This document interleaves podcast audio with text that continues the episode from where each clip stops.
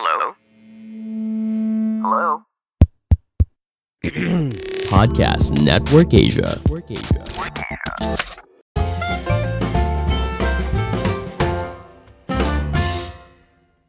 Halo semuanya, kembali lagi bersama saya Madianto. Kali ini kita akan membahas tentang cara agar kita bisa konsisten terus berhemat.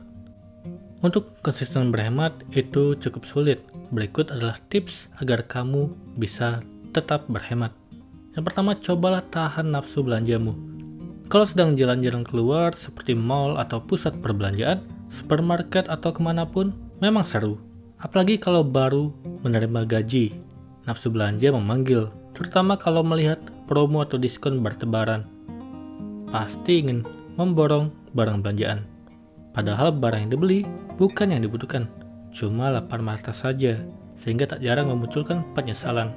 Bukannya hemat, tapi malah boros. Apalagi ketika belanja online, harga barang jauh lebih murah dibanding offline.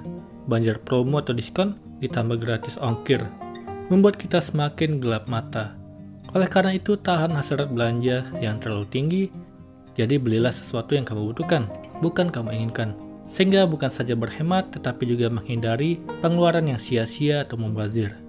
Kedua, hiduplah secara sederhana. Walaupun sudah hidup enak, bukan berarti jadi pribadi yang konsumtif.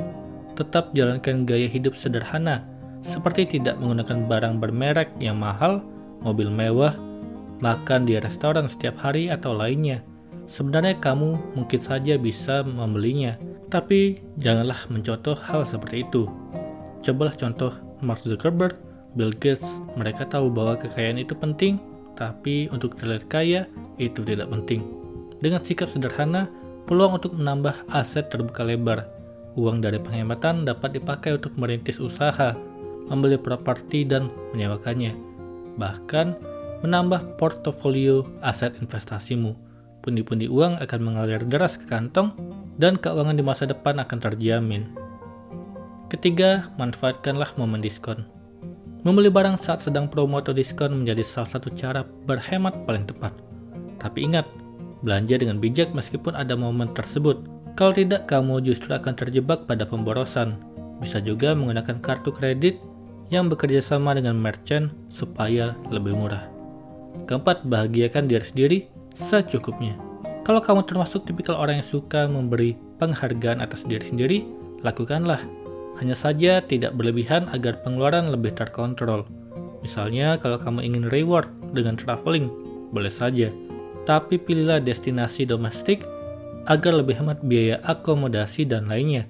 Tidak perlu jauh ke luar negeri. Kelima, ingat lagi tujuan yang ingin dicapai. Apa tujuanmu dalam 5 atau 10 tahun mendatang?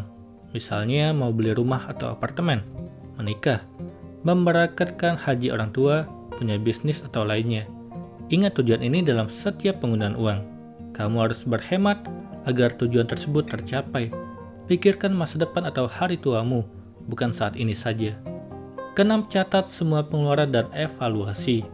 Buat catatan semua pengeluaran harian, kebutuhan yang sudah kamu beli atau bayarkan, Misalnya membeli baju untuk mengganti baju yang sudah usang. Catatlah belanja apa pun yang kamu keluarkan setiap harinya. Dengan demikian, kamu akan tahu uang mengalir ke mana saja. Cara ini dapat membantu mengontrol pengeluaran sekaligus terhindar dari pemborosan yang kerap terjadi tanpa disadari.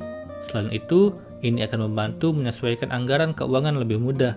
Setelah itu, cek apakah belanja harian sudah kamu keluarkan sesuai dengan rencana pengeluaran yang sudah kamu buat di awal. Lakukan tahapan ini di akhir bulan. Dalam melakukan penghematan butuh konsistensi, bukan cuma basa-basi. Sikap konsisten akan menjauhkanmu dari hidup konsumtif sehingga kamu dapat hidup lebih mapan maupun lebih kaya atau sejahtera. Semoga ini bermanfaat. Sekian dan terima kasih. Pandangan dan opini yang disampaikan oleh kreator podcast, host, dan tamu tidak mencerminkan kebijakan resmi dan bagian dari podcast Network Asia. Setiap konten yang disampaikan mereka di dalam podcast adalah opini mereka sendiri dan tidak bermaksud untuk merugikan agama, grup etnik, perkumpulan, organisasi, perusahaan, perorangan, atau siapa pun dan apa pun.